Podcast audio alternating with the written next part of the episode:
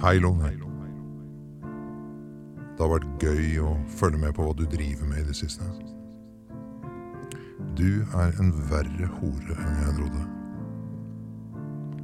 Den siste uken har vært litt kjedelig, da. ikke særlig saftig. Ble du skremt etter at du ikke turte å ta bilde av fitta? Du burde tenke mer på datasikkerheten din og på ungen din og på hvem som kan komme over hvordan du driver på. Flaut å se hvor vanvittig kåt og billig du er. At du bruker opp dildoen din. Og hvordan du skriker etter å suge og bli knulla alle veier.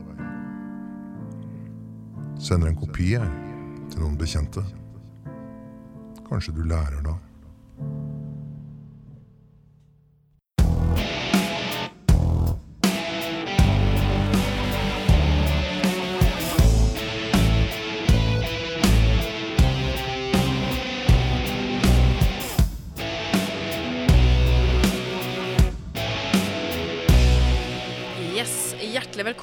Til Statusrapport. Mitt navn er Loni Bjerkholt Pedersen, og sammen med meg har jeg min bedre halvdel. Camilla Foss Hansen. Hei, du. Nå er det strengt tatt du som er min bedre halvdel, Du er min bedre halvdel. eh, nok om det. Du, Ja, for et tema. for en intro eh, til et tema. Ja, Eh, den er ganske brutal. Den er ganske brutal, og det er så rart at jeg på en måte har opplevd det sjøl. Når jeg hører det sånn, så er det åh. Ja, Det er helt uh, absurd. Vi kan jo innlede med å fortelle at teksten som ble lest før vignetten, Mm. er et brev som du mottok i fjor sommer. ja, det stemmer. Det ble lagt i postkassa di. Det ble lagt i postkassa 27. juli. Jeg var ute og jogga.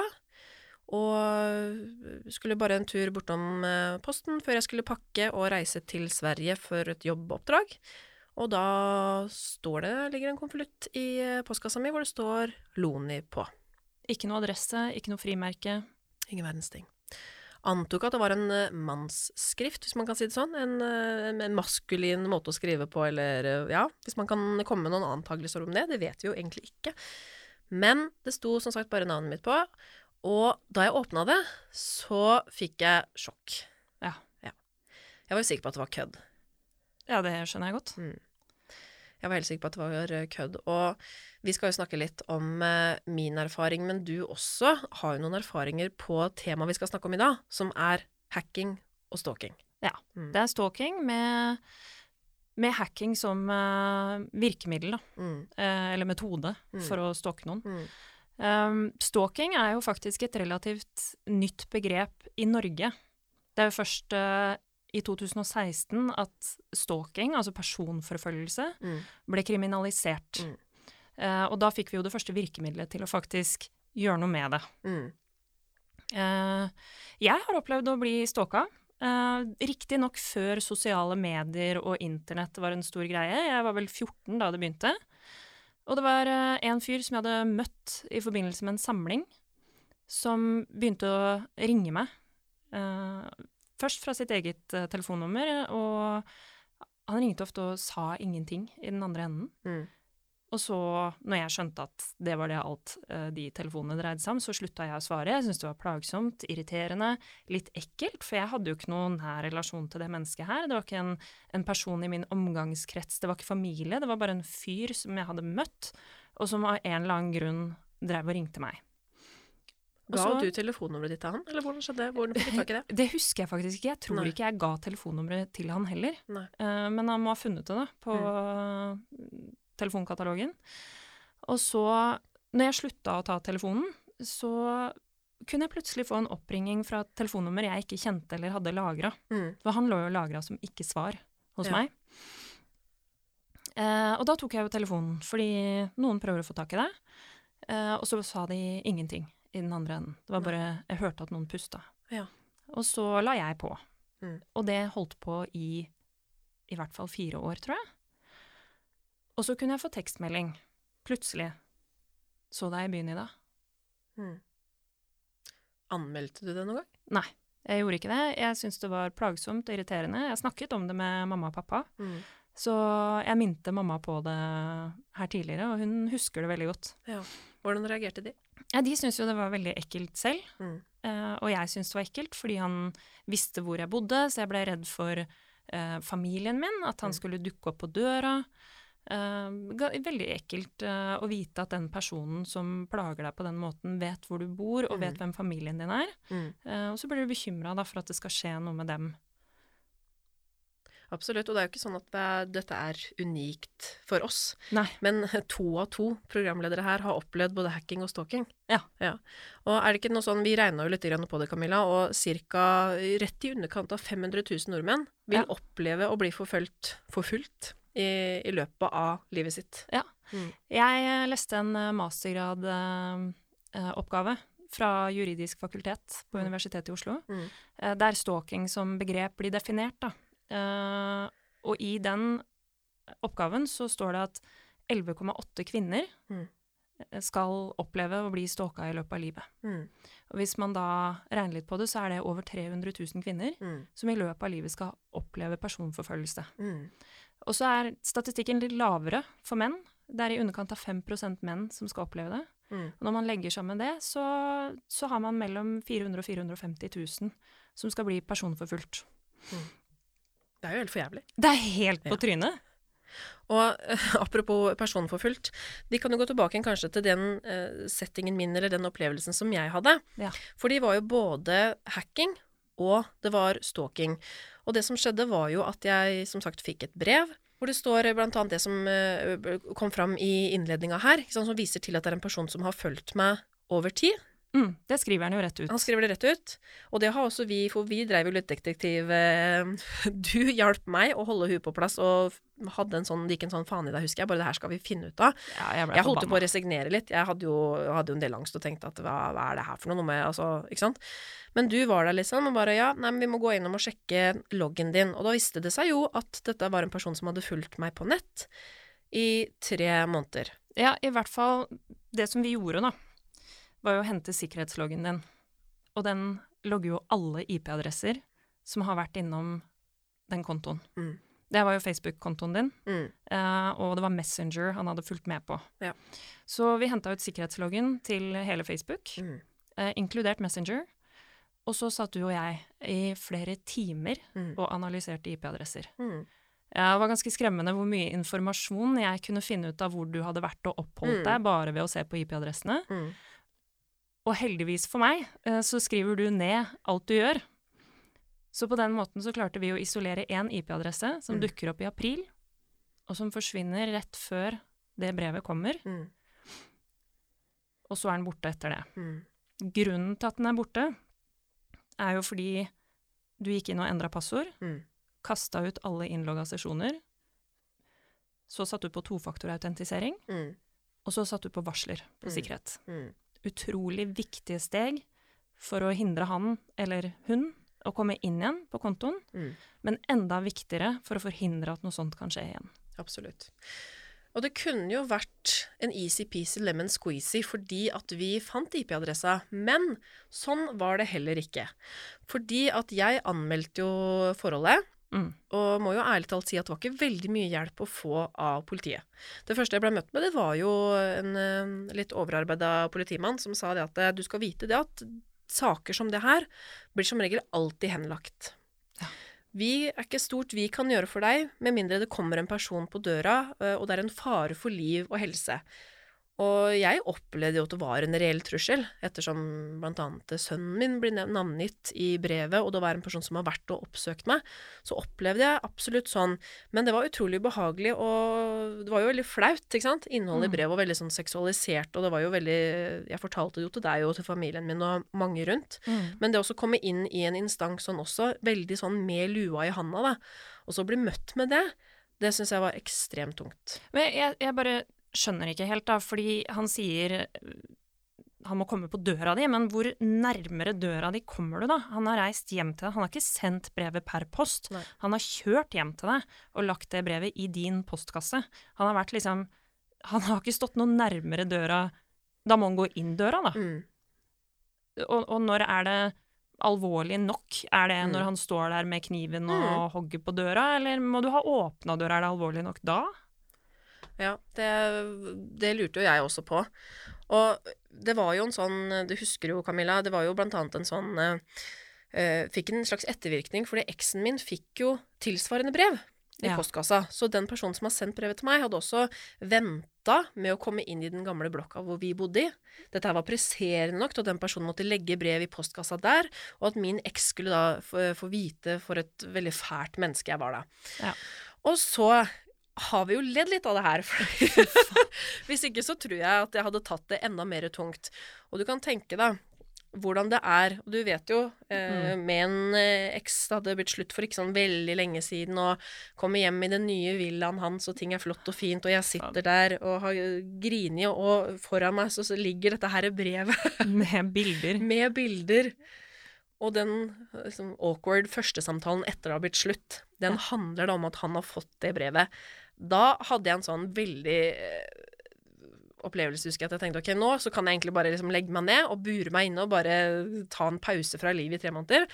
Eller så må jeg bare finne en eller annen form for galgenhumor. For det er en del humor i det som er skrevet, tross alt. Altså, det er mye humor i mange ting han skriver. Uh, Vi antar at det er en han. vi vet ikke om det er en mann eller kvinne, Nei. eh, men vi kommer til å si han for enkelhets skyld i denne Saken blei for øvrig henlagt. Det sa jeg kanskje i stad, men den blei henlagt eh, relativt raskt. Den gjorde det. Du Mm. sendte også en uh, klage etter, eh, etter uh, en stund. Mm. Etter å ha fått tenkt litt, og Mm. litt oppfordringer.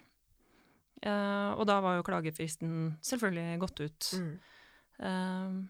For det er korte frister på den slags. Ja, det er veldig korte frister. Men, Men kan vi snakke litt mer om den Ja, galgenhumoren? la oss gjøre Fordi- la meg bare begynne med at uh, anførselstegn, det vet en ikke hvor han finner på Nei, for vi har jo laga Du og jeg har sittet og analysert dette brevet her opp og ned. Som for øvrig Altså, det er, det er jo skrevet på PC. Det er, det er skrevet, det er ikke for hånd. Mm. Eh, vedkommende har tatt øvre delen av papir og revet av. Det husker jeg at vi hang oss veldig opp i i fjor, for vi skjønte ikke hvorfor det papiret var revet av. Nei. Det fant vi jo ut etter hvert. Ja. Det er jo fordi han eh, sparer på papiret. Han er gjerrig som faen. Ja. Så han har skrevet Han er blakk. Han er blakk, ja. Ja, han er dårlig. Han er rakafant. Mm. Ja, det passer fint til Ja. skriver. Ja, han er rakafant. Mm. Så han har skrevet det avsnittet øverst på arket, Mm. og så har han kopiert den teksten, Mm. og så limt den inn lenger ned på arket, Mm. for da er det teksten din, og så har han skrevet eh, Loni i stedet for du, Ja. der hvor det er relevant. Kan vi anta at han er miljøbevisst? Nei. Nei. Jeg tror bare han er gjerrig. Det tror jeg også. Jeg tror han driter i miljø. Jeg tror han er en mann som driter veldig i miljø. Ja. Ja. Ja, det tror jeg. Ja. Eh, men igjen, eh, Mm. anførselstegn, det veit han ikke hvor er på tastaturet. Nei. Nei, Så det bruker vi ikke, men han har prøvd, da.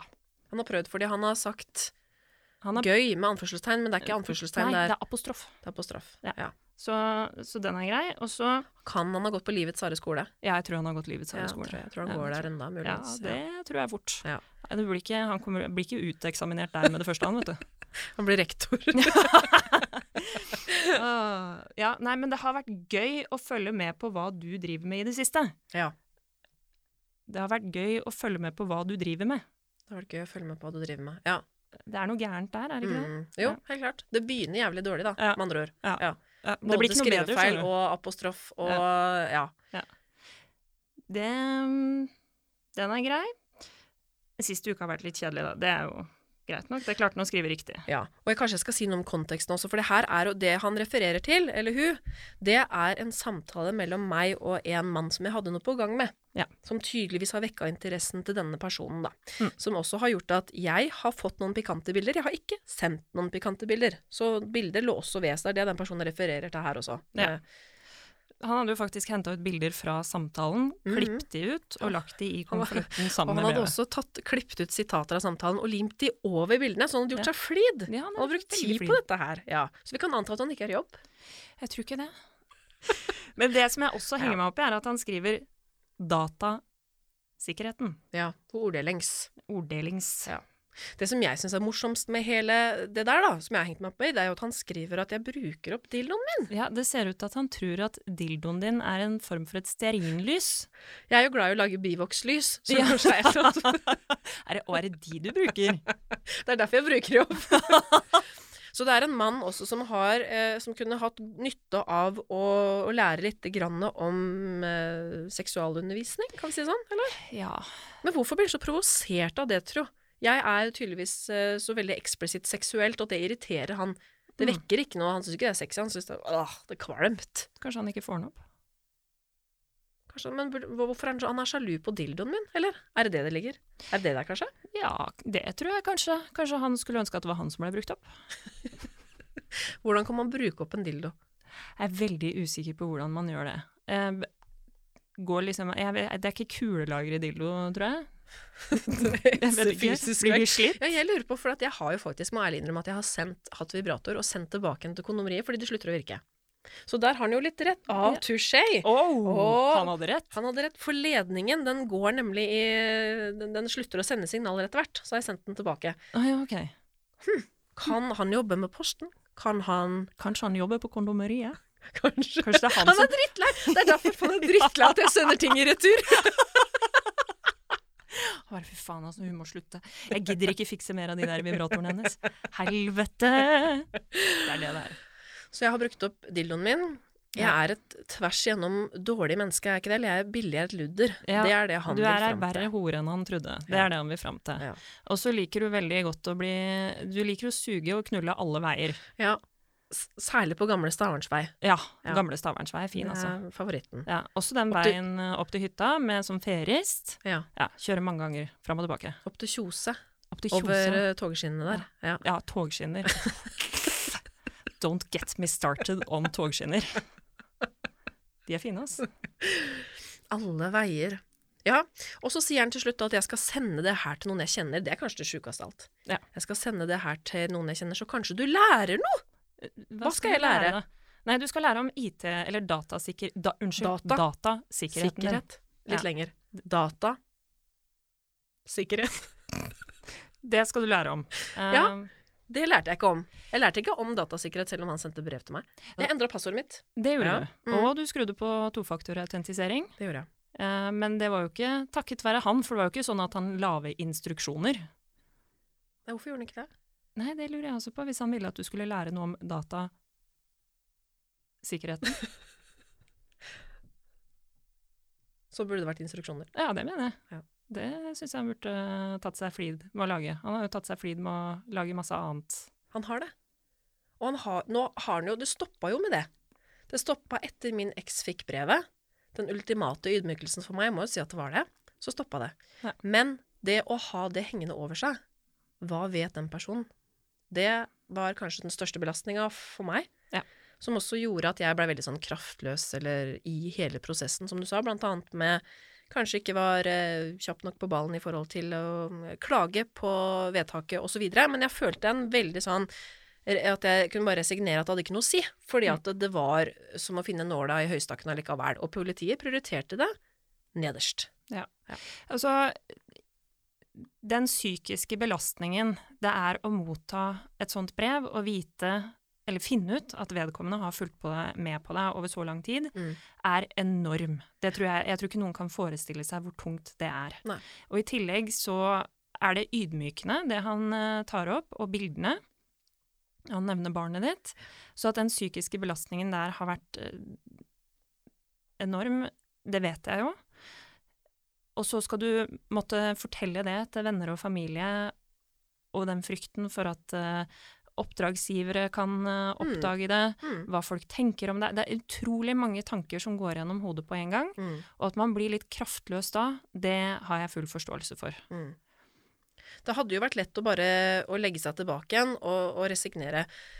Og så valgte jeg jo, da, mye takket være deg og andre, og bare være helt åpent. Jeg skrev det også på Facebook også, Mm. at du som har sendt meg brev, eh, det kommer ikke til å endre noe eh, av meg. Jeg kommer ikke til å ta noe mindre plass. Jeg kommer ikke til å bli en annen person fordi at du har gjort det. Og det er jo en av de tinga som vi annet har snakka med psykolog Jan Martin Berge om, i forhold til hvordan man kan klare å komme seg tilbake igjen, eller leve med den angsten og uroen, da, Mm. for mm. noen som har forfulgt deg, og som kanskje også fortsetter å forfølge deg. Hei, Jan Martin. Det er Loni som ringer. Hallo, Loni. Hei, du. Du Jeg er her. Du er der. Camilla òg, eller? Jeg er her. Så fint. Du, du er jo blant annet en psykologspesialist, så vi må jo rådføre oss litt med deg, eller høre hva du tenker når det gjelder stalking og hacking. Og jeg lurer på hvorfor stalker folk? Åh, hadde vi visst det. Det er ikke et felt man eh, har eh, veldig mye kunnskap på, men man, litt vet vi, da. Mm. Vi vet jo f.eks. at er litt ulike grunner til at folk eh, stalker. Men, men, men hvis vi tenker litt hvis vi tegner opp et litt bilde av en, en stalker som kanskje, kanskje ikke har så mange nære relasjoner, og kanskje er litt ensom og kanskje man har lavt selvbilde, og, kan, og, og noen har kanskje litt sånn vrangforestilling, og så har en sånn et blikk på verden som kanskje ikke stemmer sånn for alle andre. Og, og i tillegg kanskje litt narsissistisk. Tenker at verden handler om seg selv. Og i tillegg er kanskje i 30-40-årene. Så, så begynner det å tegne seg litt sånn bilder av kanskje noen som ja, som, som, som søker kontakt da, med andre på en måte som eh, jeg tenker er ufin. Da. Stalking, er det noe begge kjønn gjør i like stor grad, eller er det ett av kjønnene som gjør det mer enn andre? Der tror jeg at eh, jeg kan si ganske sikkert at det er flest menn. Hva er grunnen Det- til at Ja, Ja. Og, og, og det finnes jo kvinner som gjør det også, men, men er det Sånn som jeg har lest det, så er det flest menn som, som driver med en sånn type forfølgelse. Ja.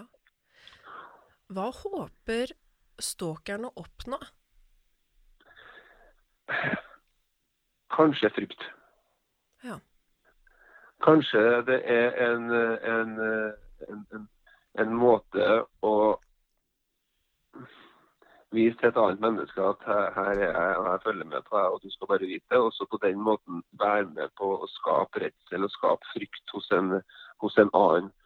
Og, og det er jo noen som stalker fordi at de f.eks. håper at det skal at, at det har blitt et brudd, i en parrelasjon, eller at det har blitt en brudd i en type ekteskap, eller brudd i en relasjon. da. Mm. Og så håper man at for eksempel, man ønsker å komme tilbake til vedkommende. f.eks. Mm. da kan jo det være motivasjon. Og, og, og da skal man jo tenke at hva, hvorfor skal man gjøre det ved, ved å bruke frykt? Mm. Jo, men da har har man en slags relasjon fortsatt gående, selv om man ikke er sammen. da. Mm. Og så leste jeg også at det var altså, 75% av sånne stalking-tilfeller er det når det er noen som vedkommende offeret er kjent fra før. da. Mm. Men 25% så at det var fremmede. Mm. Men allikevel så virker det som at det er vanskelig å vite. eh, Det er vanskelig å gjette hvem det er, eh, eventuelt. Mm. Det vil ikke vises på vedkommende. Det vil ikke vises på vedkommende. Nei, for det, men det er mange som blir overraska når de finner ut hvem det er. Ja. Ja. Jeg fikk jo, som du vet, et brev i posten. Og det var jo et brev av en anonym person, som både jeg og min ekskjæreste fikk et eksemplar av, øh, som ikke var frankert. Så noen har da vært hjemme hos meg og lagt det i postkassa. Hva tenker du det sier om øh, personen? Altså, Noen av disse stalkerne er veldig sånn klønete sosialt, f.eks. Det er jo noen av dem som er. Men det Mm. andre er jo mye mer sånn eh, Trenger ikke å være dum, kan være veldig sånn eh, eh, flink teknisk, f.eks. Og få finne tak i eh, passord og komme seg inn. Mm. Eh, Så jeg tenker at det her, eh, Da tenker jeg mer at det er mer sånn gjennomtenkt. da, At, eh, at man har gått inn, man har gått over noen barrierer da, når man går først inn i noe privat på, på internett hos deg, og i tillegg beveger seg i nærheten av der du bor. da, Og Mm. kommer til postkassa di, ikke sant. Mm.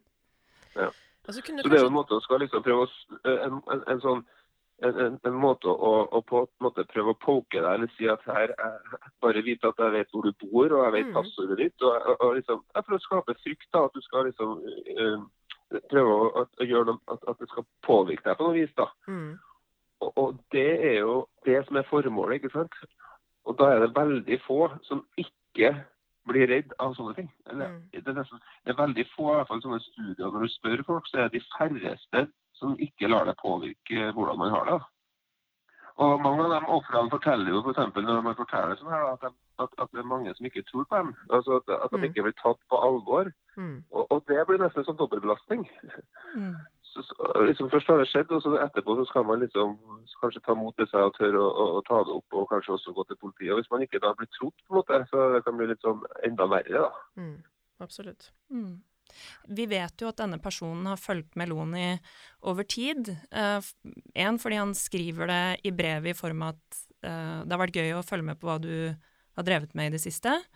Eh, Mm. Men også fordi vi klarte å isolere en eh, konkret IP-adresse fra sikkerhetsloggene som dukker opp i april, og som forsvinner eh, rett før brevet kommer. Og når brevet kom, så klarte vi å aktivere sikkerhetsmekanismer som gjør at vedkommende ikke kommer seg inn igjen.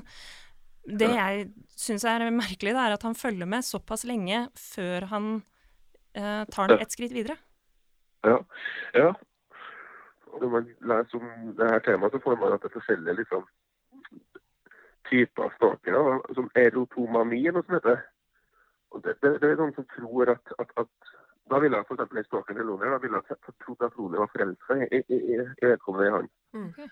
Og det- er jo en vrangforestilling. altså det, da, da tror vedkommende at offeret er forelska egentlig i meg, og leter etter tegn i det. ikke sant? Og følger opp og følger hele tida.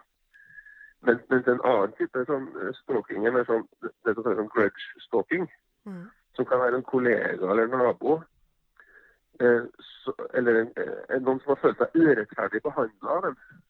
Ja. Og, og at det blir en slags sånn hevn, at de skal plage noen tilbake. ikke sant? Så det er en annen type en. Mm. Og så har du dem som er mer sånn sosialt klønete, som hele tida blir fiksert uten at det egentlig er noen grunn for det, men bare henger seg opp i én person eller et eller annet som blir helt fiksert opp. Mm. Mm. Og Men det tror jeg er litt sånn viktig å få frem at personforfølgelse, så det er jo, er ulovlig. vi snakker jo faktisk... Og jeg tenker det er jo bra å prøve å forstå. La oss si at en person kanskje ønsker, har et savn, eller kanskje føler seg ensom, eller søker en slags tilknytning. Men jeg tenker det, det er, ha mest fokus på at det her er ugreit. Det er veldig ugreit. Og, og jo lenger det varer, jo større sjanse er det for at ofrene får psykiske problemer. Mm. Mm. Og, og særlig eh, å leve i sånn uvisshet over tid. da. Mm. Over halvparten av dem som, som er er offer på det her, over halvparten av dem sier at de er svært skremt. Mm. og kan få litt sånn psykosomatiske, altså få litt sånn kroppslige plager og liksom kjenne at de er uvel. ikke sant? At det er sånn type stressreaksjoner som vi, har lyst til å, å oppleve verden som trygg, ikke sant? og særlig, særlig kanskje hjemme i vårt eget hus. Mm. Så, så, så det har konsekvenser for folk. Så, så, så det her det, det tas, tas på alvor. Mm. Jeg syns det er litt interessant det du sier med fra man liksom begynner å observere til det kommer en handling. Hva er det som kan være utslagsgivende? Kan det være en enkel situasjon eller for vedkommende som på en måte har forfulgt meg da, i de tre månedene? Hva var det som liksom eh, kan gjøre at folk går over the edge, og så tenker at ok, nå skal jeg oppsøke? Ja, Det kunne jeg tenkt meg. og Det, det er sikkert du òg tenker veldig på. Hvordan, Mm. var, det noe, var det bare en tilfeldig dag? Var det noe tilfeldig Fra det brevet kom til den teksten som vedkommende har tatt fra, fra messengeren din, var, det nærhet i tid? Ja, det var ganske nylig, og det var med én spesifikk person. En spesifikk okay. samtale som var Ja, interessant. Terskelen Mm. går ofte ned hvis det er noe veldig konkret og sånn nærhet i tid, og i tillegg at det er liksom følelsesstyrt noe i det her. Og i tillegg, da, hvis, man, hvis vedkommende har f.eks. tatt noe alkohol, det viser seg at det er, det er noen sånne risikofaktorer for at man større sjanse for at man handler på disse tingene. Ja. Men jeg blir jo nysgjerrig. Hva som gjorde at, at hvis vi går ut fra at det er en mann, da, Ja. hva var hva, hva, det som gjorde at akkurat skulle gjøre det akkurat da? Mm. Ja, det er det vi også noe som ble trigga altså, Du blir sikkert sånn Jeg har fulgt med på det jeg har skrevet før. Var det noe som sto akkurat her? Mm. Det, det, hvis jeg skulle ha gjetta, så ville jeg tippe at det er noe i det der som trigger noe hos vedkommende. Ja.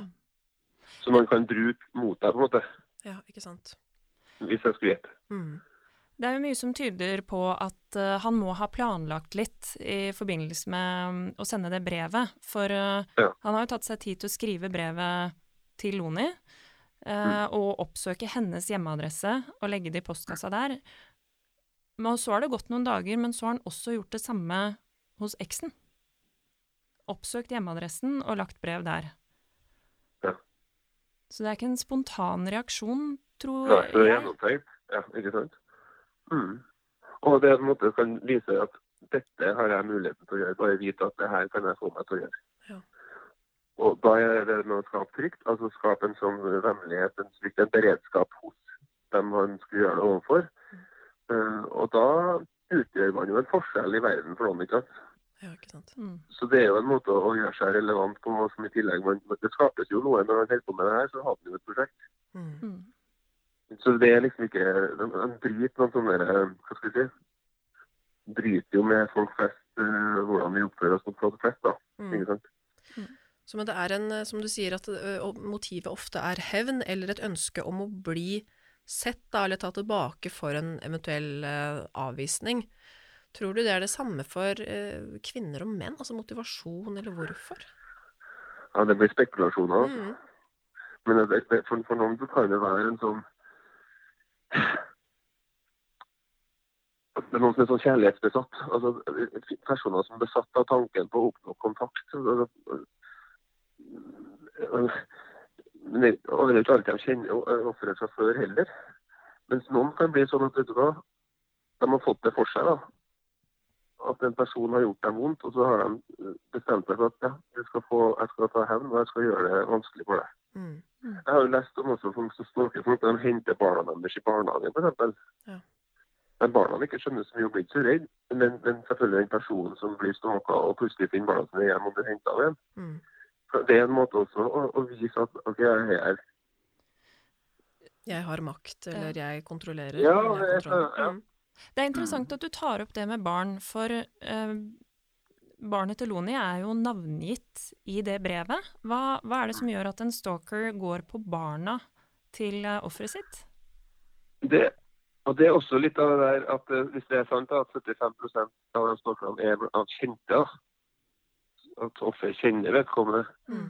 så, så, så, men, men, men det er også en måte å være på da, hvis, det er, hvis du er veldig utspekulert. Og hvis du er veldig narsissistisk. Det betyr at eh, verden handler først og fremst om meg. Mm. Noen av dem kan bli veldig lett krenket. Mm.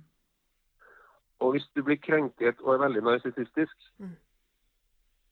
da kan du finne på å tenke at uh, verden er, er egentlig litt bedre enn verden. Jeg er litt bedre enn andre mennesker. Mm. Eh, og jeg skal vise dem det, og jeg skal ta hevn på noe vis. Eller jeg skal, jeg skal ta, ta litt sånn Jeg skal, jeg skal, skal komme litt tilbake til dem, på en måte, noen som har krenka mitt selvbilde, f.eks. Mm. Gir det mening? Mm. Mm. Absolutt. Og jeg tror vi alle kan kjenne litt sånn at vi kan bli litt selvmedlidende. Eksempel at vi syns litt selv, synd på oss selv. Mm. Jeg husker gang jeg var- var brudd, og etter det så var jeg, jeg syntes jo veldig synd på meg selv. Mm. Og det, det snakker ikke om annet. Og det, men, men det å gå rundt over tid og være selvmedlidende, det er veldig lite sexy. Ja. Ja, men det, det kan vel være en måte også, som du sier, for barna er jo liksom det kjæreste vi har. Så ja, nettopp, og da sånn er det noe med at da kan man eh, også bruke, ja, Mm. bruke venner, bruke barn, bruke familien. ikke sant? Mm. For det er liksom, du vet at det står vedkommende veldig nær. Ja. Mm. Jeg har eh, en ting som jeg lurer på til slutt, Jan Martin. For jeg følte at jeg klarte å komme ganske godt ut av det, og en av grunnene til det var jo selvfølgelig at jeg fikk masse støtte fra Camilla, og andre folk rundt meg var ganske åpen med det. Men jeg kan tenke meg, og jeg opplevde jo en sånn som du snakka om tidligere, litt sånn eh, følelse av å ha tapt eller ikke ha kontroll, og aldri helt vite hvor mye vet den personen, når kommer det noe igjen.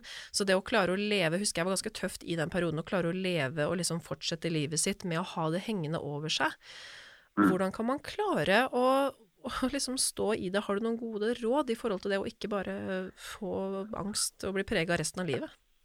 Ja, det er godt å høre at du, at, at, at du har står såpass bra i det når du Mm. opplevd det. Er Godt, godt å høre for meg. Mm. Eh, men jeg tror, hvis vi skal tørre å være litt konkret, da, Mm. så litt av det du har uh, gjort da, altså, uh, Finn uh, folk man stoler på å snakke med det om. Kanskje til og med begynne å snakke med det til ganske mange hvis det pågår over tid.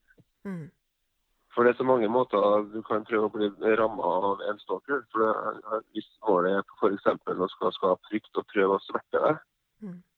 Så kan du gå på arbeidsplassen din, på familien din, på barna dine. altså ytterste konsekvens, ikke sant? Mm. Slik at, eh, Og kan gjøre ting som, som kan kommunisere ting om deg som ikke stemmer heller. Så, så, så, så da er det fint å kanskje bare si det til mennesker, så de vet. Mm. Altså, Fortell alle rundt deg. Det tror jeg er et godt råd. Mm. Og så er det hvis ikke en sånn vennlig avvisning går, da, hvis man vet hvem vedkommende er, hvis man ikke når frem med en sånn vennlig avvisning, så er det å, å, å ta kontakt med, med politiet, tenker jeg. Ja. Så oppsummert, som du sier, eh, fortell folk, ta kontakt med politiet, og klare å holde hodet høyt. Ikke plassere skylda på seg sjøl, kanskje?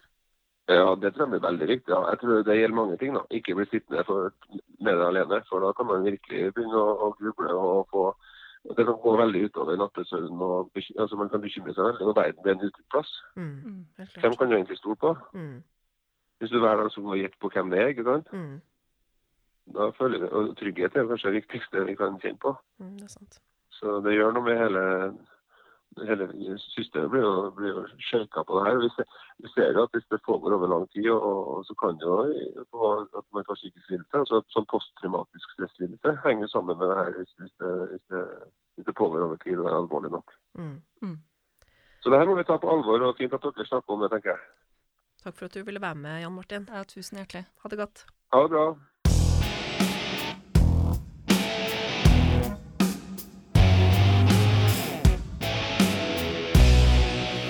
Hva tenker du når eh, Jan Martin sier at eh, posttraumatisk stress eh, er en reell lidelse, etter å ha gått gjennom det du har gått gjennom?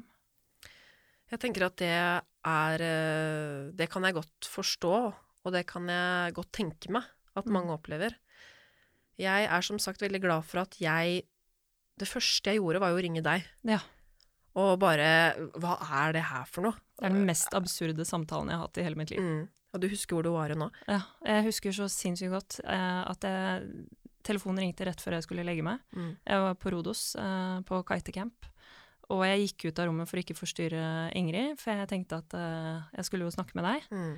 Og jeg satte meg på en trapp på utsida, og så begynte du å fortelle meg. Mm. Husker du hva det første jeg sa var? Jeg har blitt hacka. Mm. Og jeg har fått et trusselbrev. Mm. Jeg kan bare forestille meg Hvordan Hva følte du?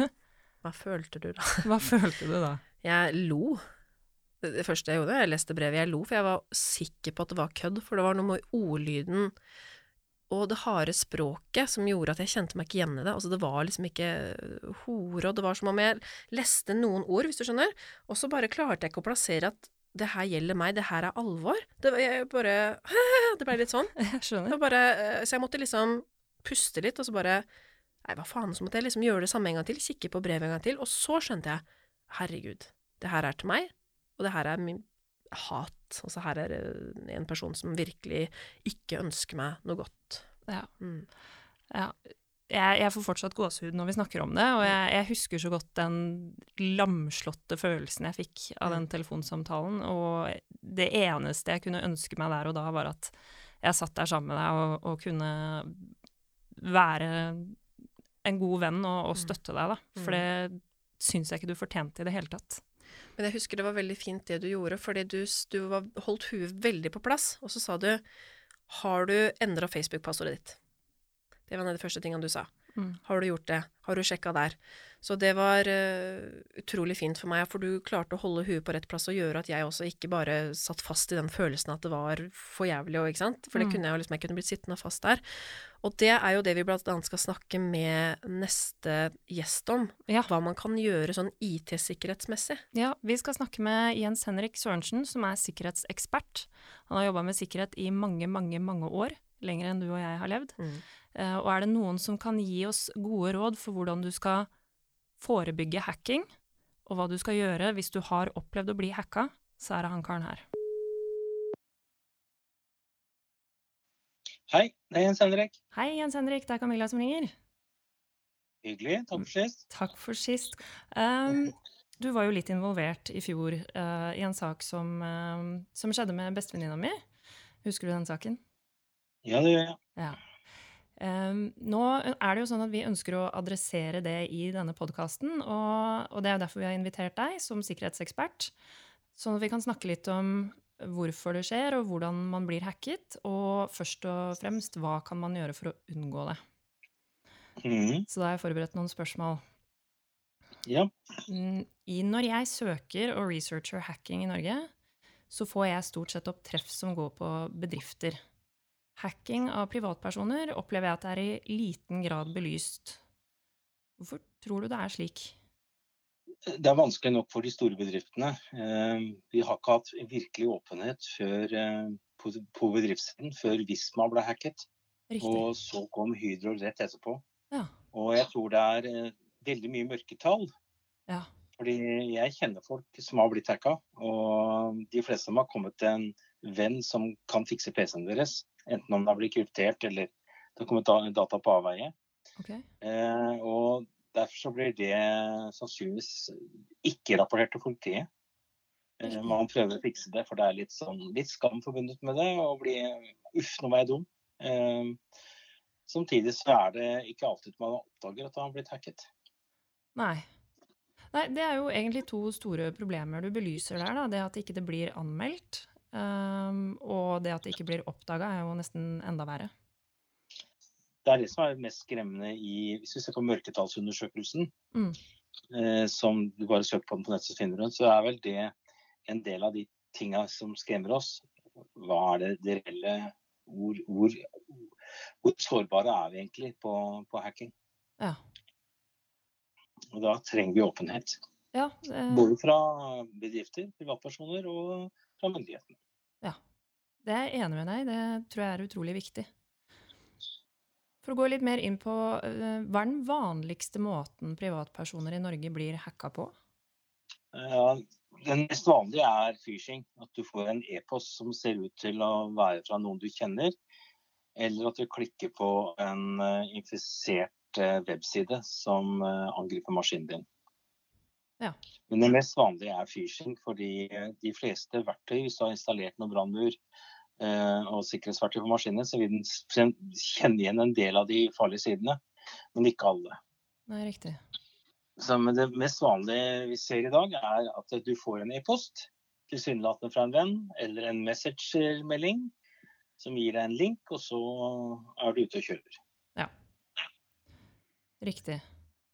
Um, Loni er jo en privatperson. Um, hvis du eh, skulle spekulere litt, hva er motivet for å hacke privatpersoner? Det er to typer, eh, det er vel to hovedklasser av hackere. Det er de som kalles script-kiddies, som eh, sitter og hacker på gutterommet og syns det er veldig moro å greie å penetrere noe, og bruker vel en del oppskrifter som ligger ute. Det er de som man lettest kan beskytte seg mot. Og så er det de avanserte hackerne Mm. Som, er, eh, som har fokus på deg eller på en bedrift. Og av dem så er det to typer. Det er de som er fagfolk, eh, og som med en litt kriminell vri. Og så har du faktisk eh, E-tjenester og stater Riktig. som. Men de tar veldig sjelden en mann i gata, med mindre du har en profil som tilsier at du er et attraktivt mål. Ja, det kan jeg tenke meg. Det ville vært veldig rart å oppdage at, eh, at, at noen statlige eh, institusjoner hadde, hadde hacka meg. Jeg driver ikke med så mye Ja. spennende.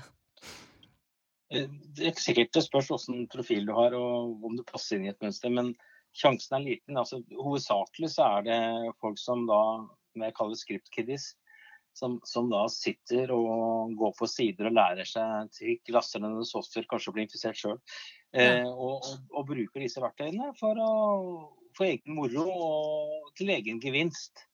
Altså, det er et litt sånn spenningsmoment i det for dem. Ja, mange syns dette er spennende å se hvor mange brannmurer jeg kommer gjennom. Så ja. Ja, jeg skjønner. Um,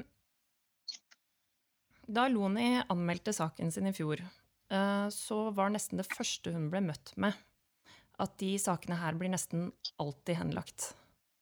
Hva tror du er årsaken til det? jeg tror det er eh, antall, altså antall hender med kompetanse hos politiet. Mm. Eh, og så er det Dette her er ikke sånn samle fingeravtrykk, eh, gå rundt omkring. Det er faktisk Du må i noen, i noen tilfeller må du faktisk sette deg ned og vente på at det skal skje på nytt. Riktig. For å ta vedkommende inn flagrante. For, for hvis vedkommende er en dyktig hacker da, som, som angriper, så vil den gjøre det fra forskjellige eh, angrepsvektorer, og fra forskjellige steder på internett. Ja. Så, men tilbake til det å avvise umiddelbart. Altså, ja, jeg, kanskje jeg blir litt gal og spør, for meg, for meg er en del åpenbare ting. Altså, hvis det samme IP-adressa går igjen, da, Ja. fra, som, en, som herfra angriper vi, så indikerer jo da at det, man kan jo overvåke den. Ja. Og da vet man litt mer. Men uh, IP-adresser er jo ikke en absolutt sannhet. De kan uh, forfalskes. Det blir kalt å spupe dem. Ja. Det er jo interessant at du tar opp det med IP-adresse, for eh, vi tok jo ut hele den IP-loggen, eller hele sikkerhetsloggen faktisk, fra Facebook og Messenger, som var eh, det mediet hennes som ble hacka. Eh, Mhm. Og ved å eliminere IP-adresser som hun hadde vært eh, borti, så klarte vi å isolere én konkret IP-adresse. Det, og det, er, en- det er en klar indikator at man bør kanskje i stedet for å avvise at kanskje vi bør gjøre noe. Men tilbake igjen, hvor mange hender med kompetanse har de? Ja, for det er jo Når du sier kompetanse, så, så føler jeg deg veldig på den. Fordi da vi stilte opp med den sikkerhetsloggen, så fikk vi De ville ikke ta den imot. De mente at den informasjonen var utdatert. Og da var den informasjonen bare tre uker gammel. Eh, ikke hvis det er gjentagende IP-adresser, så er den ikke ut, utdatert lenger. Nei. Da er den absolutt ikke utdatert. Eh, det er så at det i, eh, IP blir tildelt automatisk av internettprovideren din. Mm. Eh, Det blir kalt DOCP. Og nå er de fleste Microsoft-maskiner og veldig mye Linux-maskiner også av den egenskapen at når lånetiden på den IP-adressa går ut, Mm. så ber de om å få en ny en. Og i den DOCP request da, for new address, så Jeg hadde denne sist. Da blir det mindre arbeid for meg. Kan du gi meg den, eller? Og hvis da DHCP-serveren også ønsker å ikke bli for mange belasta, så gir han den samme adressa om igjen. Ja. Så i praksis så kan du ha fast IP-adresse uten å egentlig ha noe forhold til det. Du kan eh, Ja. Hos mange leverandører så har du det. Mm. Hvor lett eller vanskelig mener du det er for de rette instansene å finne ut av en sak eh, lignende den Loni opplevde? Med eh, en, en, av gutt, en av folk som jobber i et IRT-team, Internett Response Team, vil som vi har gjort veldig mye i løpet av en dag eller to. Ja. Eh, og så vil jeg sannsynligvis eh, satt igjen en honeypot, eh, som hadde vært på samme nettet eh, og vært en proxy foran PC-en hennes, Mm. slik at vi kunne se når påloggingen skjedde. Ja. Hvis den gikk gjennom hennes maskin, hvis, da, s- hvis den da ble gjort eh, hjemme hos vedkommende, så blir det en annen tilnærming. ja. Mye tyder jo på at eh, han har eh, fått tak i passordet hennes og logget seg på hennes konto, så det er nok antageligvis Ja, gjort fra vedkommendes uh... maskin. Og da har du tilbake, da har du tilbake sporene hanses uh, gjennom den routing- routing-rekkefølgen han hadde fra Messenger og Facebook. da da kommer fram i hennes logg på hennes maskin, Ja. selv om han synes vi gjør det et annet sted. Ja, Riktig. Det er, eh, det er den erfaringen vi, eh, vi gjorde oss da vi gikk gjennom hele loggen. Mm. Vi har jo veldig lyst til å gi noen gode råd til eh, de som måtte høre på det her, om hvordan de kan beskytte seg mot hacking. Så hva er dine beste råd? Sette opp forsvarsverkene dine. Slå på brannmur eh, fra operativsystemet. Altså Microsoft har noe som heter Defender, som er innebygget. Og den har blitt veldig god etter hvert. Mm. Og så pass på at maskinen din står på hver eh, tirsdagskveld andre tirsdag i måneden, for da har Microsoft sin faste månedlige oppdatering. Og så er det personlig passordhygiene. Ikke velg noe folk kan gjette. Eh, jeg har et herlig eksempel. Jeg kom til en regnskapsfører på en stor bedrift. Hun var fra Australia, og så hadde han bilde av en fin katt. Hva heter katten? Ja, det var passordet hennes, altså. Ja, selvfølgelig. Så bruker jeg verktøy for å generere passord. Og da har jeg testa to. Den ene er fra Norton. Den koster en for fem hvis to, tomaskinslisens, eller så koster den vel en 700-800 kroner i året. Da får du med deg brannmur eh, og webovervåkning og passordgenerator. Så hvis du eh, bruker den, så kan du sørge for da, å lage en større entropi, altså flere tegn i, i passordet ditt. Jeg bruker 16 til 24. Mm. Eh, og så er jeg beskytta databasen med alle disse passordene, som da er skybasert, eh, med 48. Så jeg tror du kommer til å trenge noen år for Selv om du får tak i databasen og kan gjøre brute force, så bruker du den så lenge at er nok eh, har lagt på lokket. I tillegg så bruker jeg alltid dobbelt autentisering. Ja. Og jeg eh, har aktivert Authenticator fra Microsoft. Mm. Så hver gang jeg logger meg på enten jobben, eller på nyjobben, eller på hjemme, så er inne med Authenticator for å komme på, på Microsoft-produkter. Ja. Om jeg er på, på Office 365, om jeg skal inn på, på skyløsninga, hva som helst, så må jeg bruke Authenticator. Og den er kobla opp mot ansiktsgjenkjenningen, altså da går det bra. Tiende gangen så må jeg inn med koden min. Så Ja. det gjør det vanskelig. Fordi disse folka som hacker vanligvis, de er ikke ressurssterke. De er ikke de som lager de som angrep atomslyngene til Iran, liksom. Ok. Og så første hack-delen der som anslår man var i 300 000 dollars kostnadsbiten. Og så var det ja, og neste var 25 millioner for å sette seg inn. Først måtte du finne hullet i Microsoft, og så skulle du finne hullet i eh, softwaren til eh, Siemens for å angripe det på riktig måte i den applikasjonen. Det var flere millioner kroner for å, eller millioner dollar for å løse. Og så siste del av jobben var ikke umulig å gjøre via internett, så hadde man spioner til å gjøre. Så den kostnaden tror jeg ikke, var, skal jeg ikke se på meg. Men Da ser du liksom kostnadsaspektene for å gjøre et retta hack mot noen. Ja. ja, da begynner man jo å snakke om ekstremt avansert uh, hacking, og da er det nok uh, helt uh, andre folk enn enn stalker som er ute på tur. Men, men det ligger forferdelig mange oppskrifter av hvordan du skal, ta, hvordan du skal gjette opp passord osv. Ja. på nettet. Og det ligger også ferdige verktøy for å gjøre brute force. Det vil si at du lager ei liste med hva du tror du kan være. Bruker en norsk ordliste, legger på tall og bannetegn, og trykker på knappen. Og så drar den gjennom 40 000 ord i løpet av tre-fire minutter. Ja, ja det, det understøtter jo bare at vi må være enda flinkere til å beskytte oss selv når alle de verktøyene ligger tilgjengelig ute på internett. Eh, God passordhygiene, med andre ord. Ja. Eh, ja, akkurat som vi driver med nå i disse virustider. ja, ikke sant? Ja, men det er veldig viktig. vi- Vaske hendene. Og ikke bruk samme passord på overalt. Nei. Og i tillegg så må du øh, også passe på at du kan sette opp browseren din til at når du går ut, så sletter den alle cookies. Den sletter alle historien du har hatt den dagen. Så da blir det verre for en som angriper deg, å kunne gå og se på hvor du har vært hen.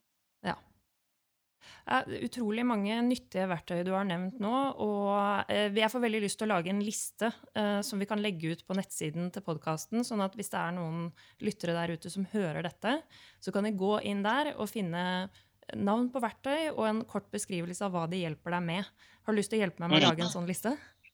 Det vil jeg gjerne gjøre. Fantastisk. Det siste spørsmålet som jeg har lyst til å stille til deg, det er hvis man har avdekka eller blitt gjort oppmerksom på at man har blitt hacka, hvilke grep bør man ta da? Hvilken informasjon bør man samle på for å hjelpe noen å etterforske, og hva bør du gjøre for å, å ta igjen kontrollen?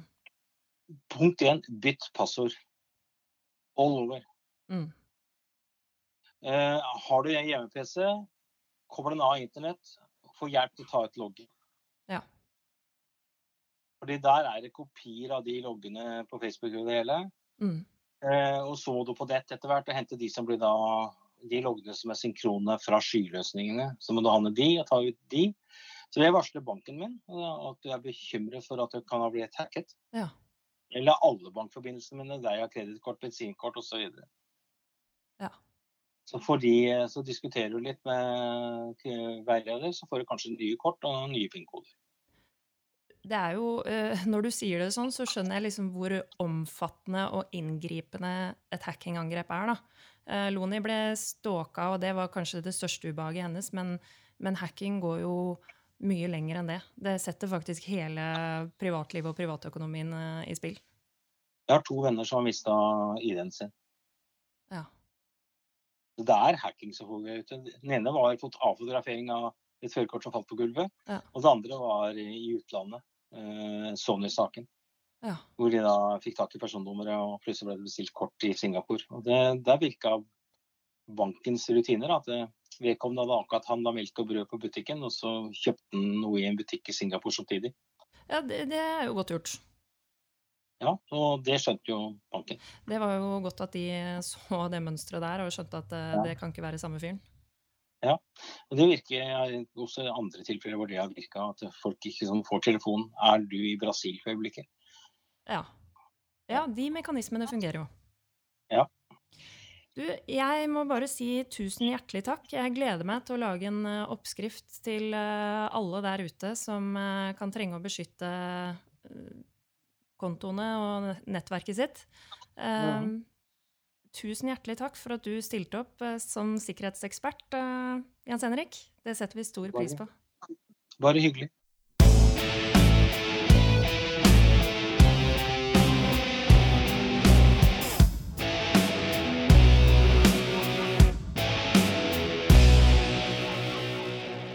Så passordhygiene. Mm. Eh, hold orden på passordene dine. Ikke bruk de samme passordene på ulike tjenester. Der du kan skru på tofaktorautentisering eller multifaktorautentisering, dvs. Si du må få en kode eller en, et annet middel i tillegg til passordet ditt for å logge deg inn. Superviktig. Mm. Og så avslutningsvis har jeg bare lyst til å si at stalking er kriminelt. Mm. Det har en strafferamme på fire år. Mm. Det er strengere enn ved en voldtekt. Og han eh, karen som har gjort det her mot deg, han ville blitt dømt på tre punkter hvis han hadde blitt tatt. Mm. Og stalking fører til psykiske belastninger Mm. for de som blir utsatt for det. Så hvis du som gjorde det her, eller hvis du som hører på noen gang har utsatt noen for det her, Mm. så kan du bare fuck off. Ja, helt enig. Go fuck yourself. Ja, In the faces. Og politiet må ha mer ressurser til å kunne ha de sakene her. Vi kan ikke akseptere at vi skal komme inn med en sånn opplevelse som det her, og så blir man møtt med at vi har ikke kapasitet og ressurser, og det er jo egentlig ikke politiets feil. Vi må jo litt høyere opp i systemet. Vi fikk en lov i 2016, men hva hjelper det å ha en lov hvis det er den måten her en blir møtt på når en skal anmelde en sak? Nei, ressurser og kompetanseheving på IT-kriminalitet. Vi trenger det, og vi trenger det ikke bare hos Kripos eller bare hos Økokrim eller bare hos PST. Vi trenger det ute i politidistriktene, sånn at de faktisk kan hjelpe folk som opplever denne type kriminalitet. Mm. Helt klart. Og ikke minst, da, dersom noen har opplevd det her, eh, opplever det nå, eller kjenner noen som har opplevd det, så tenker jeg det er veldig viktig å si at hold huet høyt. Det er ikke din skyld. Det er ingenting du har gjort som gjør at du fortjener å oppleve noe sånn som det her. Det er den andre personen som er et jævla rasshøl. Knipsen på malla. Springskalle. Gi den en springskalle. Det. Da er vi kommet til veis ende for denne episoden. I studio hørte du Loni Bjerkholt Pedersen og Camilla Foss Hansen. Yes. Og tidligere episoder de kan dere laste ned på Spotify eller iTunes, og gå gjerne inn på hjemmesida vår, statusrapport.nett. Det kan du. Og så vil vi gjerne høre fra deg hvis du har kommentarer eller innspill eller forslag til temaer vi kan diskutere her i Statusrapport. Da tar vi gjerne imot en e-post på post at statusrapport.net. Yes. Og før vi runder helt av, så har vi bare lyst til å si tusen hjertelig takk til produsenten vår Geir Atle. Takk og takk. Takk til gjestene våre Jan Martin og Jens Henrik. Og takk til deg. Og takk til deg. Takk til deg. Takk for i dag.